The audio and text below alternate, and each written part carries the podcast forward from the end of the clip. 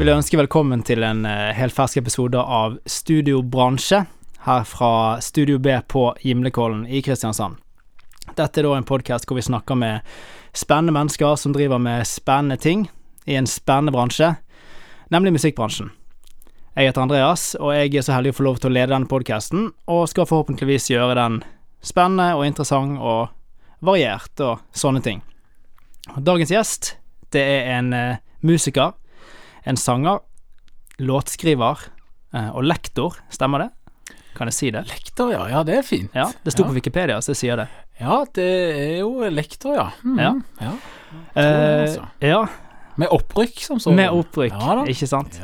Uh, han har gitt ut en rekke singler, et par album, blant annet et rykende ferskt album som kom ut uh, nå i november, rett før jul. Uh, og mange sørlendinger kjenner han sikkert fra Bryggebandet, som er et fast innslag eh, i Kristiansand om sommeren. Eh, mens andre kan bli kjent med han gjennom eh, The Voice, sesongen 2013, hvor vedkommende da kom på andreplass. Så dagens gjest, det er rett og slett Pål Rake. Velkommen, Pål. Takk for det, så hyggelig å være her, ja. og gratulerer med en ny podkast. Jo, Veldig takk. kult. Veldig stas å ha deg her. Jeg håper du har funnet deg godt til rette. og ja, det har jeg virkelig. Eh, denne fine blå eh, Kors eh, Studio B-koppen satte jeg veldig pris på. Jeg koser ja. meg. Ja. ja. Og hva er det du har i den i dag, Pål? I dag er det Fanta, rett og slett. Og det er den røde Fantaen. Hva heter den for noe? Det er vel, var vel Exotic, er ikke det? Ja, nettopp. Ja. Den føler jeg reflekterer mitt indre. Ja, ok. Veldig, altså. Ja, så du er en Og mitt ytre, egentlig. Siden jeg har til liksom innslag av rødt i skjegg, bart, hår og på hodet. Ja. Og, ja. Så, men også det eksotiske i min indre sjel. Ja, wow. Nå, er vi, nå, er vi, der vi skal være. Det nå tror er jeg er et av de bedre uh, grunnlagene for valg av drikke jeg har hørt, uh, i hvert fall i dag. Det er ikke tilfeldig. Ja. Um, ja, nei, men Så spennende. Vi skal jo snakke litt i dag om deg, og om musikken din, og bla, bla, bla. Ting som måtte falle oss inn. Så først og fremst vil jeg bare spørre deg, hvordan har du det, Pål? Takk, Andreas. Jeg har det veldig fint. Jeg har gleda meg til å komme opp hos deg her i dette ja. vakre studioet, og har ja har det egentlig veldig bra. Det er jo januar. Nå er det faktisk februar eh, det blitt. Det. og jeg tenker det går mot lysere tider. Eh, og jeg gleder meg bare til det som skjer fremover. Smittetallene synker for hver dag som går. Uh, nei, nå kan det bare gå oppover, tenker jeg. Uh, ja. ja. Det høres ut som man er nede i en bølgedal, men det er jeg ikke. Men jeg tenker at, at dette er den, en av de fineste tidene på året, syns jeg. Når, uh, når, det er liksom rett før at knoppene springer ut. Ja, ja. ja, det er veldig, veldig fint. Altså. Ja, er på, det er på vei oppover, liksom, alt sammen. Ja. ja. Mm.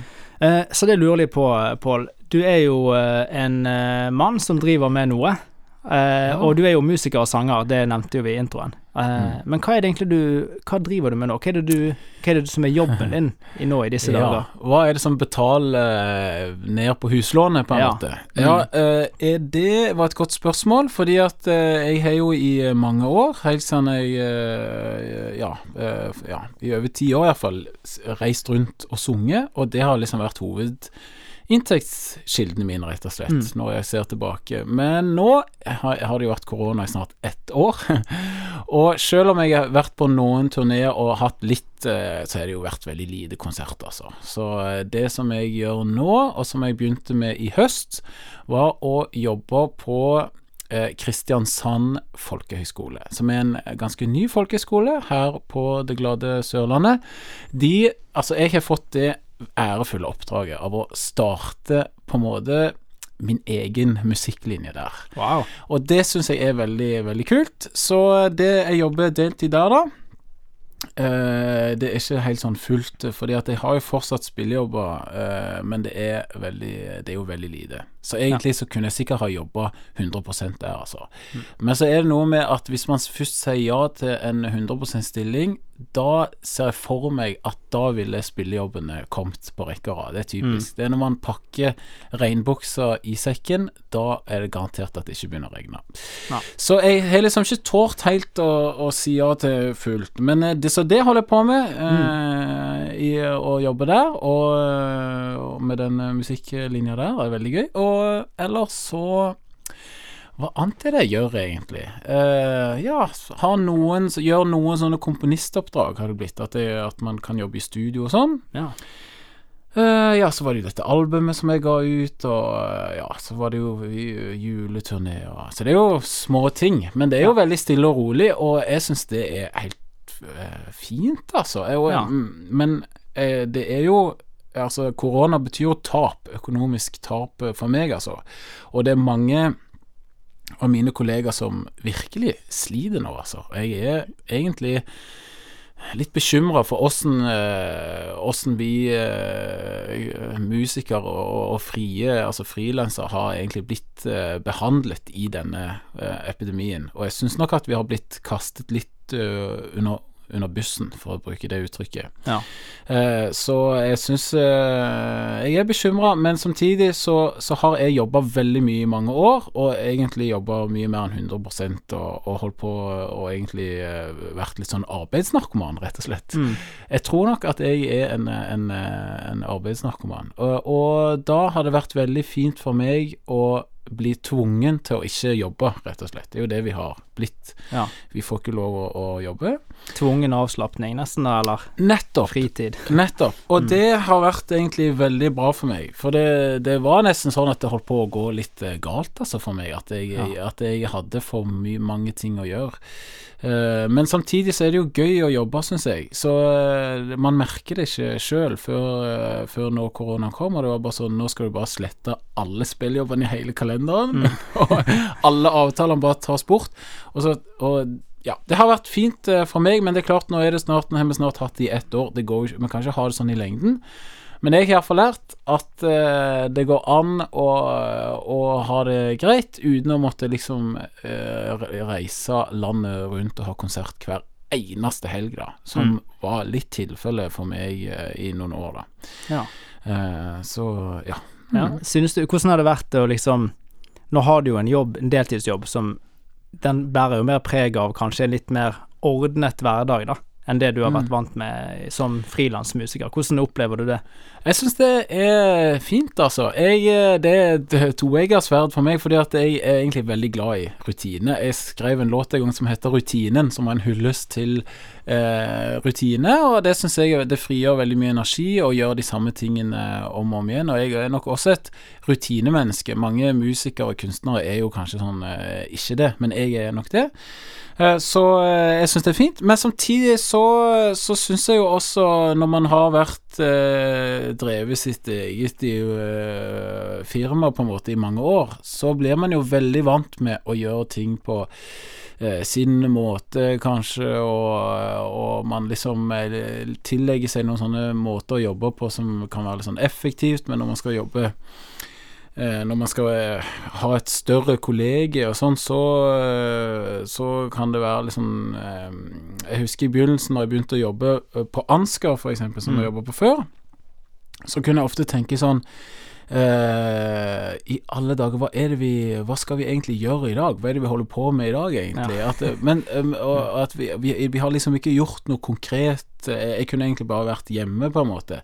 Men så er det det når man er, jobber på en ordentlig arbeidsplass, har en ordentlig jobb med eh, levende kollegaer, da, da, da er det ikke som å drive helt alene. Da må man liksom eh, Da er det så viktig å ta den der kaffen i pausen som man snakker om, og som mange savner når de har hjemmekontor. Mm. Det, så det måtte jeg på en måte bare, bare lære meg, at eh, det var ikke bare liksom å gjøre akkurat det du skulle gjøre på jobben, og så dra igjen med første Altså Det er jo litt sånn når man er frilanser, så er liksom tid penger, da. Så man tillegger seg noen utrolig sånne effektive måter å jobbe på. Og bare svare på alle mail fort, og gjøre akkurat nå skal jeg gjøre akkurat det. Og, og før det så hadde jeg jo undervist på universitetet her i, i Kristiansand, og som timelærer, og da er det jo bare sånn du skal bare levere den undervisningen, og, så, og jo fortere, jo mer effektivt du kan gjøre det, jo mer på en måte penger tjener man. For det må man, altså det, sånn har jeg tenkt at eh, når man er liksom frilanser, så, så må man liksom bare prøve å tjene jobbe mest mulig effektivt og Mm. smart, da. Men når man er ansatt en plass, har en rutine, da må man liksom Det er viktig å komme et kvarter før på jobb og liksom Ja. se de ansatte inn i øynene og drikke en kopp te og spørre åssen helga var. Det er kjempeviktig. Litt uvant for meg til å begynne med, men eh, det har vært veldig berikende, ja. Mm. Ja, så bra.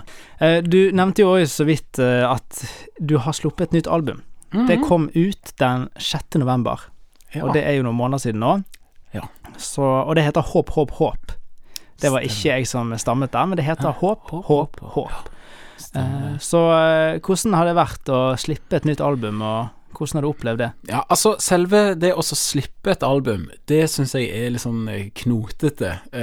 Fordi at man er liksom avhengig Eller man er ikke avhengig av det, men det er liksom det der timing. Timingen er liksom viktig, og, og blir det liksom plukket opp, og hva, hvem, hvem andre er det som slipper musikk den fredagen, på en måte, ikke sant. Og det er en del sånne ting, så jeg syns det er på en måte Det å slippe det er jo eh, eh, Akkurat den dagen man slipper musikken, så går man sånn rundt og eh, Ja, det, det er liksom det er, ikke, det er ikke den beste dagen i, i livet mitt, men det å lage albumet syns jeg var veldig fint, altså. Ja. Og det, det var, eh, det var et, en helt ny tilnærming for meg å lage det albumet. Jeg har alltid liksom de forrige platene mine har vært veldig sånn grandiose og masse synter og masse produsert. Brukt mange år liksom på én låt.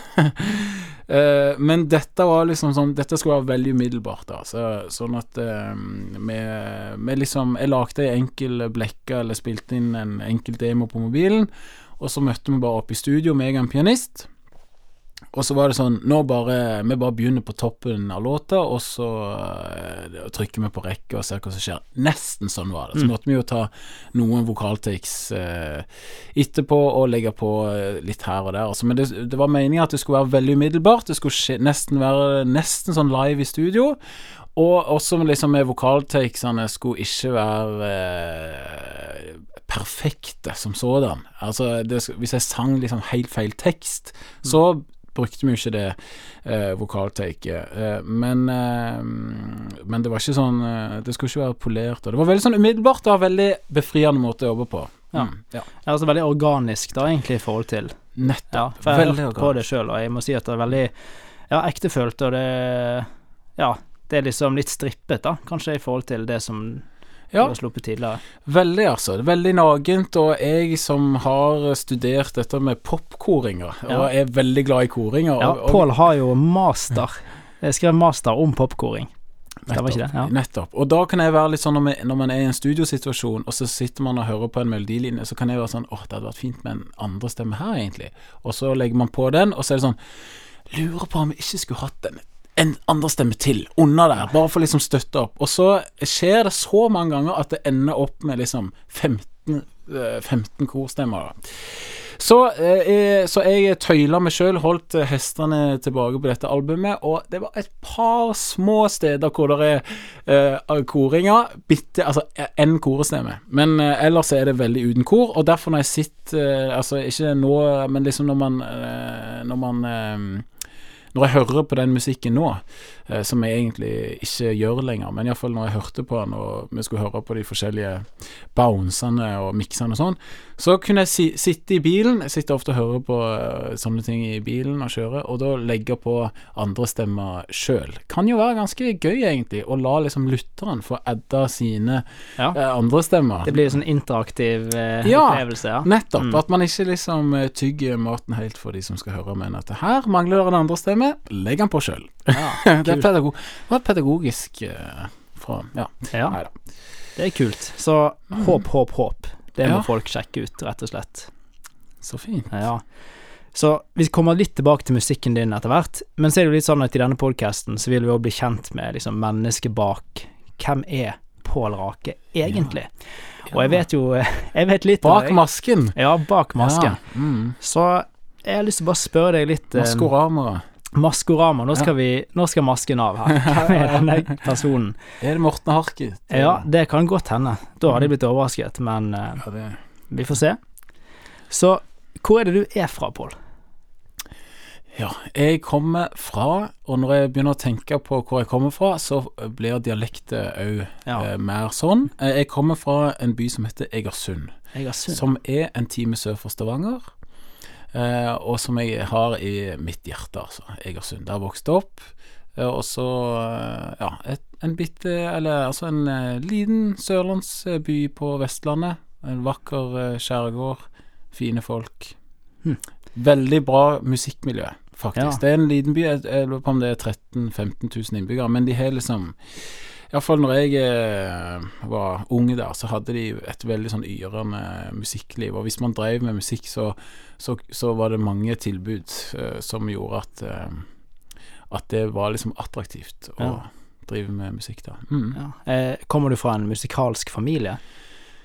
Eh, ja, altså eh, Nei, det er jo ingen av de som er profesjonelle musikere som sådan, men uh, min far har vel studert litt musikk og spilt noe orgel, uh, og mine brødre Min bror er vel dirigent, har dirigert noe greier. Men veldig på sånn Nei, altså veldig sånn frivillig og, Ja. og koselig nivå. Ikke ja. så Eh, Det har ikke vært sånn uh, musiker at man liksom uh, Ja, ja, vi hadde en sånn familieband, men det var veldig lavt eh, nivå. Vi spilte på noe gamlehjem, og da var det, tror jeg de eldre satt med, med fingrene i ørene og, ja, og tenkte at nå Å ja, var det sånn jeg skulle dø? Tenkte de vel. Altså. Men, eh, men eh, ja, litt sånn musikk har det jo vært. Ja. Ja, Så, absolutt. så hva, hva vil du si var liksom det som gjorde at du tok steget inn i musikken? For det er jo tydelig at Ja. eh, det ble jo musikk. Det ble musikk på meg til slutt. Nei, det eh, har aldri vært sånn for meg at nå tar jeg steg nå satser jeg på en musikkarriere. Det var jo sånn at jeg ville jo eh, gå på musikklinja på videregående, så det var jo når jeg begynte der, så følte jeg jo litt at jeg kom litt heim. Eh, og eh, hadde følt meg litt sånn der kontrær, kanskje, i en sånn vanlig eh, på ungdomsskolen og ja. Så når jeg kom på videregående, så følte jeg at jeg kom litt hjem, mye folk med de samme interessene. Og så balla det egentlig bare på seg. Vi starta en, en haug med band og spilte, så fikk vi litt sånn spillejobber, så begynte vi å tjene litt penger på det. Og så, når jeg er ferdig med videregående, så så starta jeg liksom eget sånn enkeltmannsforetak, begynte å fakturere litt, og kunne ingenting om de faktureringsreglene, så jeg er jo så glad for at uh, den uh, bokettersyn At det er såpass lenge siden at det ikke kan komme noe bokettersyn, for det var, det var litt sånn Texas uh, på den faktureringsfronten. Men nei, så jeg bare ball, balla litt på seg, og så tenkte jeg da var det naturlig å studere musikk eh, videre, og så jobbet jeg som musiker parallelt med studiene, og ja, så Ja. så det balla bare på seg. Det var ikke sånn 'nå tar jeg steget ut eh, i ja, Det var jo et bevisst valg, selvfølgelig. Mm. Det var jo et bevisst valg å ikke studere. Det var en del andre ting jeg søkte på etter videregående som jeg skulle studere, som jeg selvfølgelig takket nei til, og takket heller ja til en musikkutdanning. Ja. Så jeg har jo liksom tatt bevisste valg, men eh, ja. Men et eh, spørsmål der, Pål. Fordi vi vet jo at du har studert musikk. Som vi nevnte, så har du master i popkoring. Yes. Men så har jeg òg funnet ut at du har vært innom eh, Politihøgskolen. Stemmer. Ja, jeg Ja, har det. Så fortell litt om det. Ja, det var det er øh, interessant. Altså, øh, det var jo i 20 Nå må du bare arrestere meg hvis jeg tar feil, Ja, men, ja, så jeg måtte bare ta det. Oh, ja, ja, ja, Det var en pønn, ikke sant? Ja, nettopp, nettopp. Ja, eh, ja. Nei, men altså mm, eh, Det var jo i 2016, så hadde jeg jo egentlig drevet med musikk eh, i i alle fall i ti år, eh, og hatt spillejobb og holdt på, og det var jo eh, mange ting som gikk bra, og, og plutselig så tjente mye penger og holdt på med det. Men så de siste Så begynte jeg Det hendte at jeg sto på scenen og tenkte sånn eh, I alle dager, hva er det egentlig jeg holder på med her nå? Jeg gleder meg egentlig litt til å komme meg hjem, og det var noen ganger når jeg skulle ha spillejobb, så tenkte jeg sånn uh, Jeg var ikke så motivert. Og musikk er liksom et fag til, som jeg tenker at hvis du ikke har liksom motivasjonen så er det ikke så mye vits egentlig eh, lenger. For du, du må liksom ha den der musikkgleden. Eh, Og hvis den forsvinner, så blir det på en måte bare liksom teater. Eh, Så det var en periode at jeg tenkte sånn Uh, Nå har jeg vært veldig heldig og holdt på med dette i mange år. Nå er liksom tiden inne å gi seg mens før liksom det går helt galt. For jeg har alltid tenkt at om et halvt år så slutter telefonene å ringe, om et halvt år så slutter spillejobben å komme. Jeg har liksom hatt den holdningen hele veien, så jeg har tenkt at jeg på et eller annet tidspunkt må gjøre noe, ta noen grep. Og da følte jeg at eh, Så var det liksom eh, 30.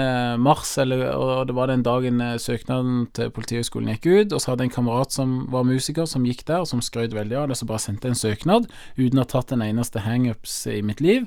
Og så dagen etterpå så måtte jeg jo begynne å trene noe veldig, fordi at man skal jo eh, løfte og svømme og, og masse. Ja. Så det var egentlig bare um, at jeg tenkte jeg, eh, jeg var liksom redd for Jeg hadde kjøpt meg leilighet, eh, og jeg var liksom redd for at jeg skal liksom spillejobbene Kanskje det tar slutt en dag. Ja. Så etter et år på Politihøgskolen trivdes veldig godt, fullførte alle eksamenene, men da eh, skjønte jeg jo at det var liksom det året jeg trengte for å forstå hvor heldig kanskje jeg hadde vært, som hadde hatt disse jobbene, og mm, da eh, fikk jeg liksom gløden litt tilbake igjen, tror jeg vi kan si. Mm. Ja. ja, men det er kult. Det er jo en gøy, eh, det er jo en gøy ting å ha med seg i Ja, livet, da. ja, altså. Ja. Og noe gøy å snakke om på en podkast, Ja. f.eks. Det er, kommer alltid med, godt med å kunne legge noen i håndjern, som jeg pleier å si. Ja, Det- ikke sant? Ja.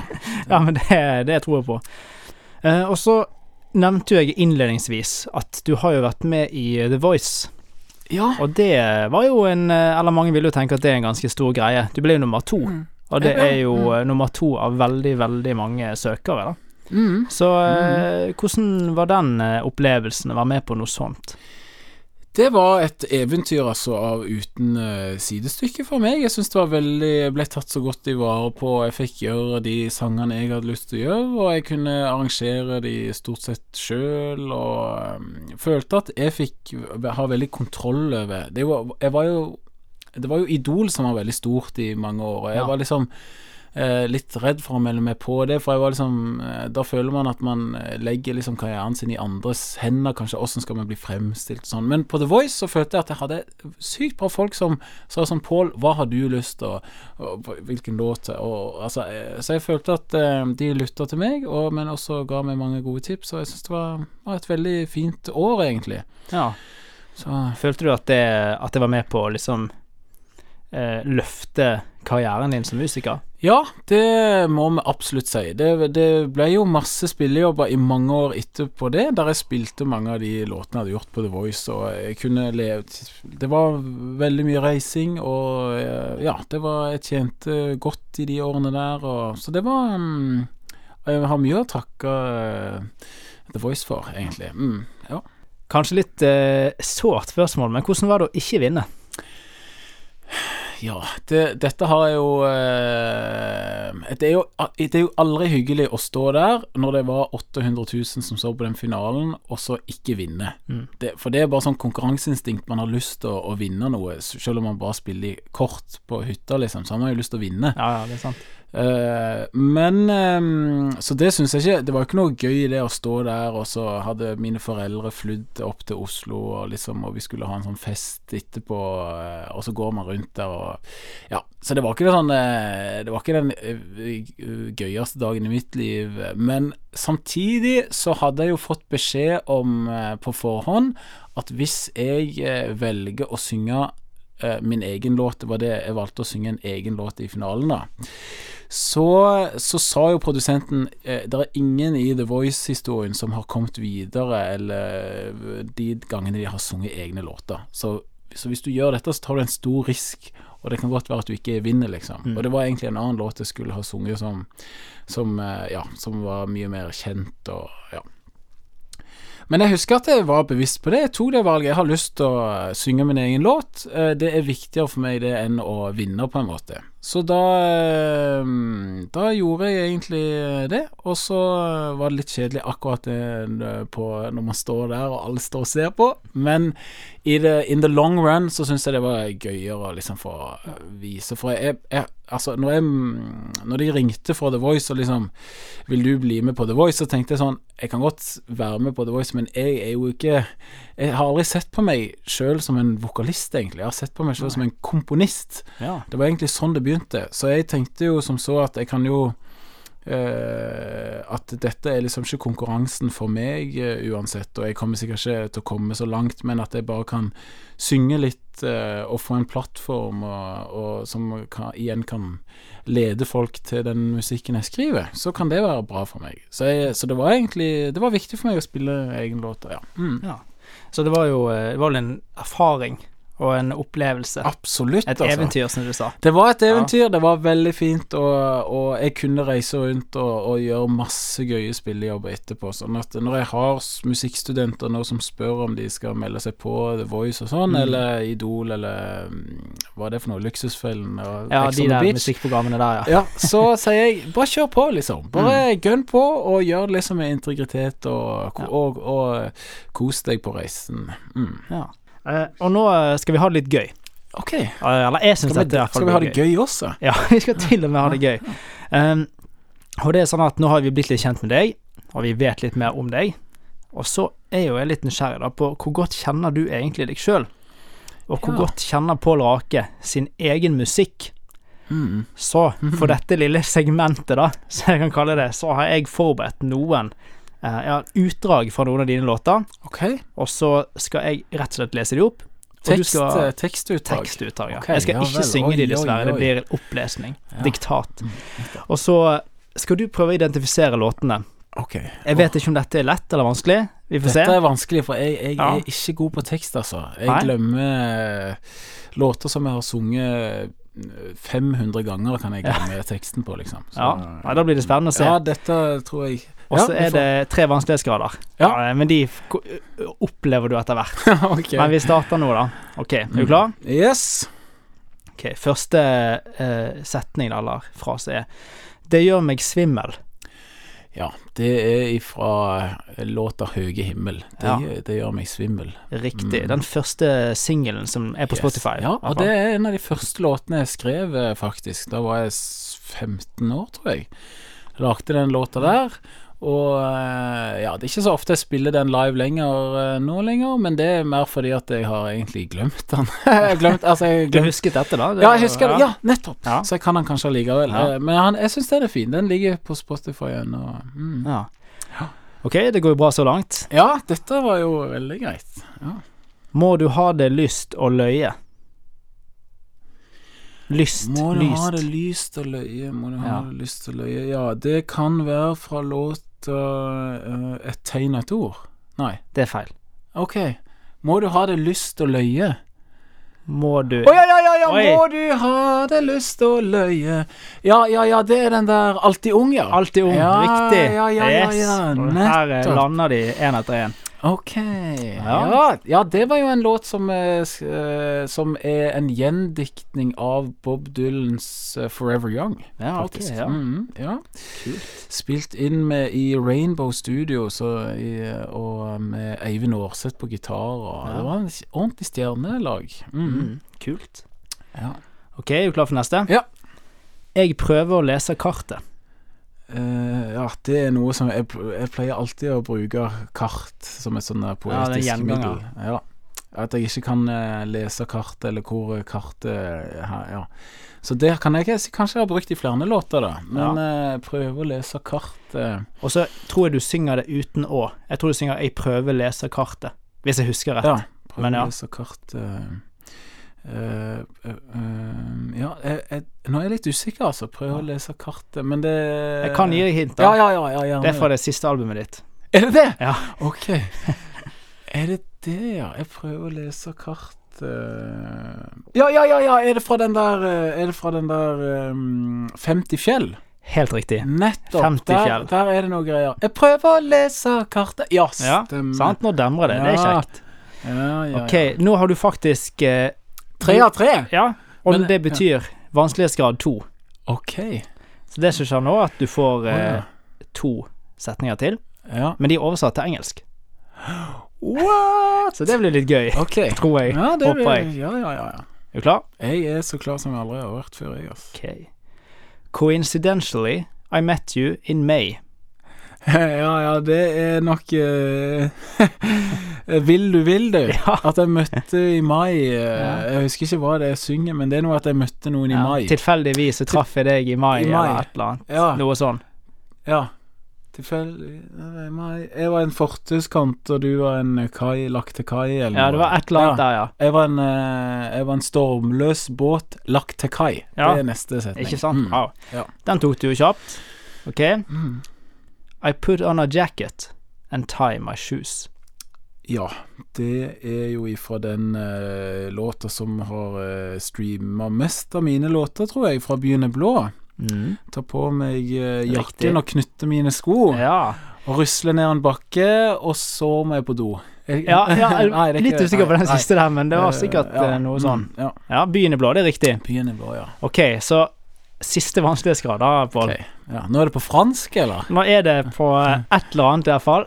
Bergensk, det er jo Du får bare, du må nesten bare høre, så må du bare tolke. Ok. okay? Mm. er du klar? Mm. Da mond man verbeut sich tiff und stilvoll. Eh, Damondmann hørtes ut som uh, Månemannen. Og så var Nei, det var Det var riktig. Var det det? Det var riktig, ja. Okay. ja. Månemannen uh, Stivold. Ja, eh, da mond man verbeut sich tief und stilvoll. Er det tysk? Det er tysk. Ah, ich liebe dich. Uttalen min er jo eh, Jeg vet jo Den er kjempefin. Jeg kan Ja. ingenting tysk. Nei, ok, du kan ikke tysk. Mm, ja. det er rett og slett uh, Månemannen bukker djupt og stilig. Ja. Ja. Dette her er jo imponerende, Pål. ja, dette var en veldig gøy leg, at du Ja. har hørt på de låtene. Det var hyggelig. Ja ja, hallo. Jeg mm. tar dette veldig seriøst. Så ja. Imponert, altså. Imponert, Andreas. Så er det siste, for å få full score. Oi! Men- Er det det- enda mer? Ja, samme vanskelighetsgrad, men det er siste setning, da. Ok, ok, ok. Å, nå skal jeg prøve å lese dette. Podria ser navidad entonces. Ok, nå er vi på spansk. Ja, jeg får Eh, flashbacks til videregående framføringer og sånn. Er det sant? Navidad, Feliz Navidad eh, kan jo bety jul, da. Var det ikke det et ord som du hadde inni der? Navidad? Jo, Jeg har jo lagd noen julesanger. Kan det da bli jul? riktig. Kan det da bli jul? Er det sant?! Det er full score. Oi, dette gjorde Er det er Det Herlig. imponerende. Er spansk og Ja, bare throw it at me, liksom. Det, ja, ok. Ja, så veldig bra innsats, Pål. Den var jo imponerende. Dette var gøy. Dette Ja. var veldig gøy. Dette er det gøyeste jeg har gjort i 2021, iallfall i februar 2021. Ja, wow. Det er jo et lite tidsvindu, men likevel. Det er jo en del timer der. Ja, det er Du kunne gjort mye gøy, mm. men du er her, og vi gjør dette. Ja, Det er herlig. Stas. Ja, så bra. Um, og så har jeg lyst til å bare spørre deg litt tilbake til det med å være proff musiker og artist og sånne ting. Mm. Det å ha det liksom som beskjeftigelse, da. Eh, er det drømmejobben? Ja, oi, det er spennende spørsmål. Jeg eh, Lenge det har det vært drømmejobben for meg. Eh, eller drømmejobb Ja, altså at jeg hadde lyst til å leve av og for musikken, hadde jeg i mange år. Og det, og det hadde jeg jo òg som jobb i mange år, har det jo egentlig fortsatt. Eh, men om det er drømmejobben eh, Altså, man får iallfall jobbe med sin pasjon, eh, noe som man elsker, som gjør det mye enklere. Men men eh, det er jo et litt merkelig yrke.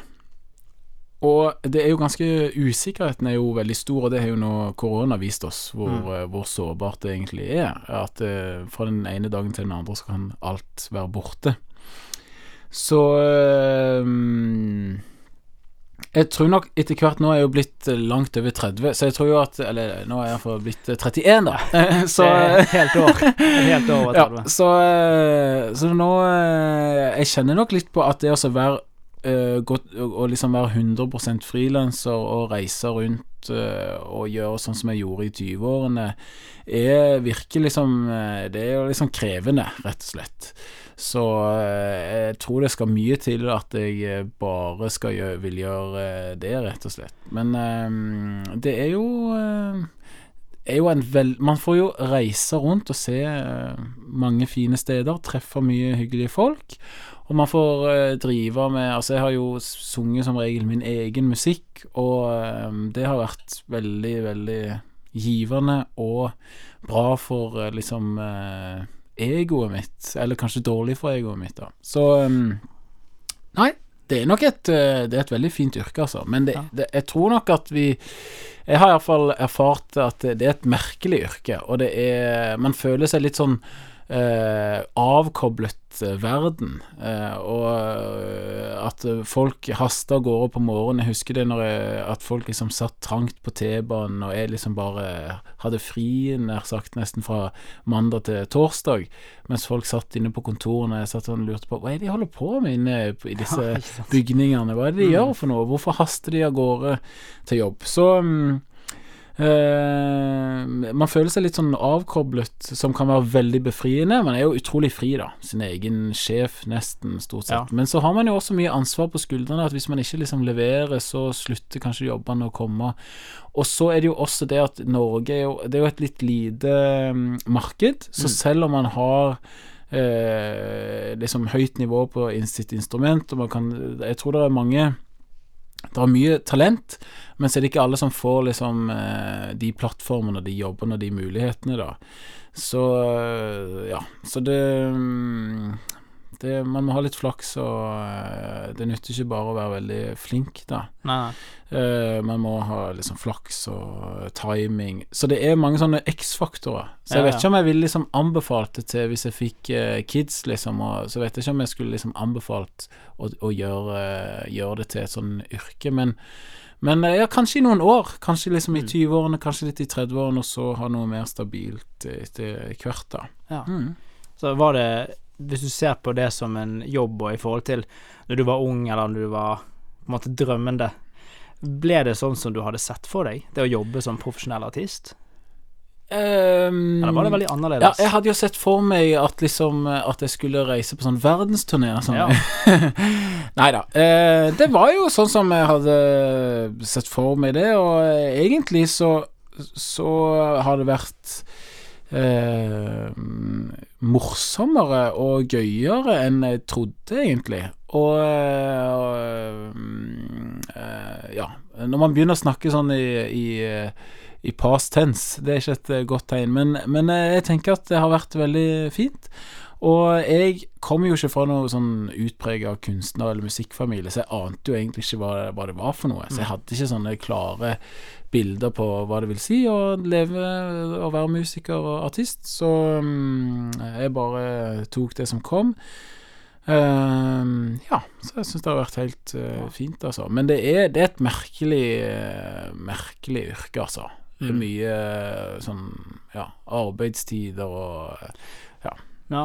Det er jo altså det er mange som jeg, tegner et bilde av musikkbransjen som er litt sånn bransje med mange håper si, eh, spisse albuer, store håper jeg, plateselskaper, at det er en litt sånn skummel bransje.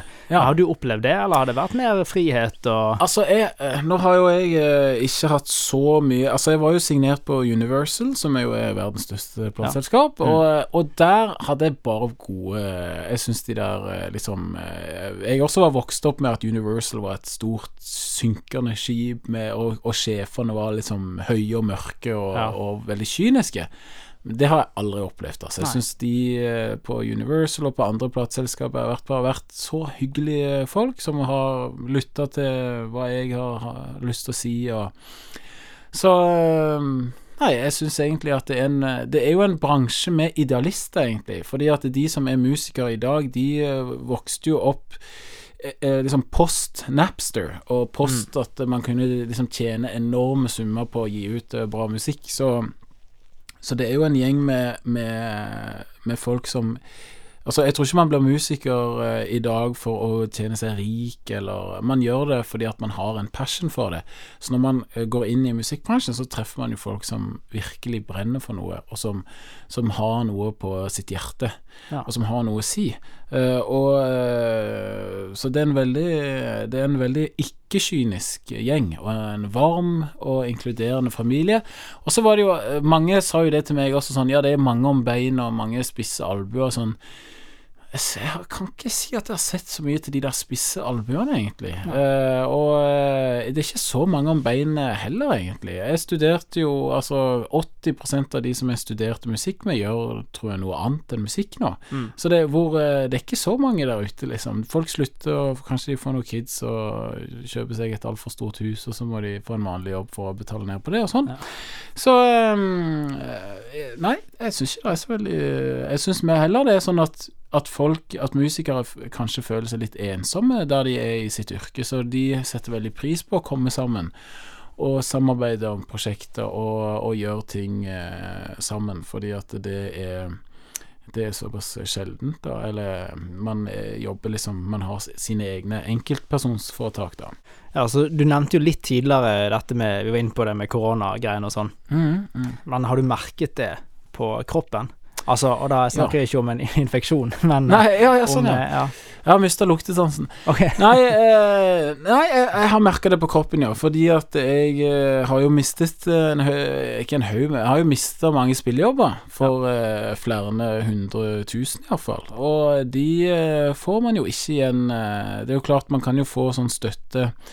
Eh, men det er jo sånn 60% og hvis man jobber sånn som jeg har jo tatt meg jobb på en folkehøyskole, da får man jo ikke noe støtte og sånn, så ja, så eh, jeg har merka det på min eh, liksom private inntekt, selvfølgelig. Og så, så har jeg jo også merka at hvor, hvor, hvor, hvor enkelt det var for, for regjeringen å bare liksom si nå eh, blir mitt yrke ulovlig, liksom. Ja. At det var bare gjort sånn med et knips. Og, og vi musikere, vi er jo ikke så store, vi har ikke så store ressurser, vi er ikke så mange, så vi, vi får liksom ikke til å mobilisere helt. Eh, og, og da har jeg, har liksom tenkt at eh, For eksempel når jeg skulle ha min juleturné, da, så hadde vi først kun lov å ha 200, og så ble det jo 50. og så måtte vi jo Vi heiv oss jo rundt noe helt vilt og la om på turnéplaner alt og gjorde og, ikke sant? Og så kunne vi ha konsert for disse 50 da. Men da kunne jo disse komme fra Ikea, hvor det var liksom 2000 mennesker inne, og det var liksom ingen regler, og der var det jo reell smitte, mens på våre konserter det, på det var, var ikke noe liksom bevis for at folk ble smittet så veldig på konserter, egentlig. Det var, har ikke hørt noe eh, historikk på det i det hele tatt. Men det var helt andre steder hvor smitten blomstret opp, og de eh, ble ikke stengt ned. Så, jeg- så jeg skjønner jo at kulturen har liksom, eller musikken har liksom en lav status eh, hos de regjeringspartiene som er nå, at de tenker musikerne kan vi bare Vi kaster de under bussen, på en måte. Det har bekymra meg veldig, og jeg har, eh, har mang en gang eh, tenkt at jeg skulle skrive en kronikk om det eller noe, men så tenker jeg sånn jeg, Nå har jeg blitt så gammel at jeg, og jeg vet ikke om jeg eh, har hjerte til å mene noe om det, egentlig, men nå har jeg jo gjort det i denne podkasten. Men jeg syns, Ja. jeg syns det var litt for lett eh, For lett å bare liksom eh, ulovliggjøre vår bransje. Og Mm. du har ikke lov å holde konsert, liksom. Og så eh, Nei, hva skal vi gjøre da? Nei, du får gå på Du får gå på Nav og stille deg i kø, og eh, det er mange som ikke har fått noe der heller, og ja. ja, men du Pål, du har jo òg eh, hatt noen sånne koronakonserter, har ikke du det? Ja. Jeg mener jeg har sett noen bilder av deg med et piano i en bygård og rundt omkring. Ja, Ja. det stemmer det. Vi hadde det de, de første ukene, så, så visste vi jo ikke hva dette var for noe korona, og vi var jo ganske redde og sånn, men så tenkte vi at vi reiser rundt til borettslagene, stiller oss ut på plenen og spiller for folk som satt inne i karantene, og noen satt jo i isolasjon, og ja, det var egentlig Det ble ganske mange konserter, egentlig, og det ble ganske populært, eh, for vi hadde sånn at eh, borettslagene kunne melde seg på, da, og så Ja. kom vi, reiste vi ut til dem. Så det var veldig koselig, det, og jeg ble veldig godt kjent med denne byen her, og Sørlandet, og alle de vakre borettslagene Mm. som er her på Kristians i Kristiansand.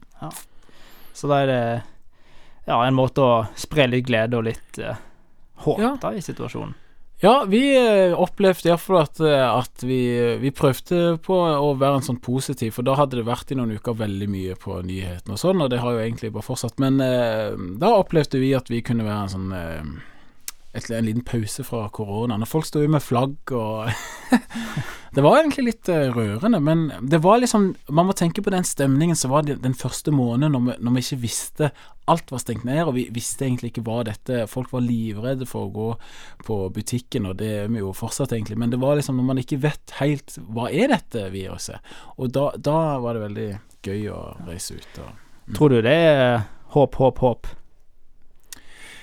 På generell basis? Ja, da, liksom for den situasjonen. Ja, det tror jeg absolutt, altså. Jeg, jeg er nok veldig sånn øh, at jeg tenker positivt. Jeg husker at jeg fikk det spørsmålet i, i før sommeren 2020 også. også. Du, hvor lenge tror du dette skal vare? Da svarte jeg sånn to-tre uker, kanskje, så, mm. så, synker smittetallene. Men nå tenker jeg at de synker nok en gang. Og jeg tror at, eh, at eh, om ikke lenge så vil, vil samfunnet åpne sakte, men sikkert opp igjen. Um, og vi har kanskje lært noe i denne koronaen. Jeg har iallfall lært masse om dette musikkyrket, og at man ikke trenger å jobbe seg i hæl selv om man driver med noe man elsker. Uh, og så, så jeg tror at det har vært en slags justering, og det har vært tøffe tak for oss i kulturbransjen, uh, men jeg tror at det går mot lysere tider. Det er håp, og dette kommer til å gå veldig, veldig fint. Om noen år så tenker vi tilbake på dette og med et litt sånn glimt i øyet. At husker du den gangen der. Så jeg eh, har ja. Dette kommer til å gå bra, Andreas. Det er ja. helt sikkert. Så det er håp, håp, håp. Som det siste albumet. Det var liksom understreken der, ikke sant. Eh, så helt til slutt. Eh, jobber du med noe ny musikk?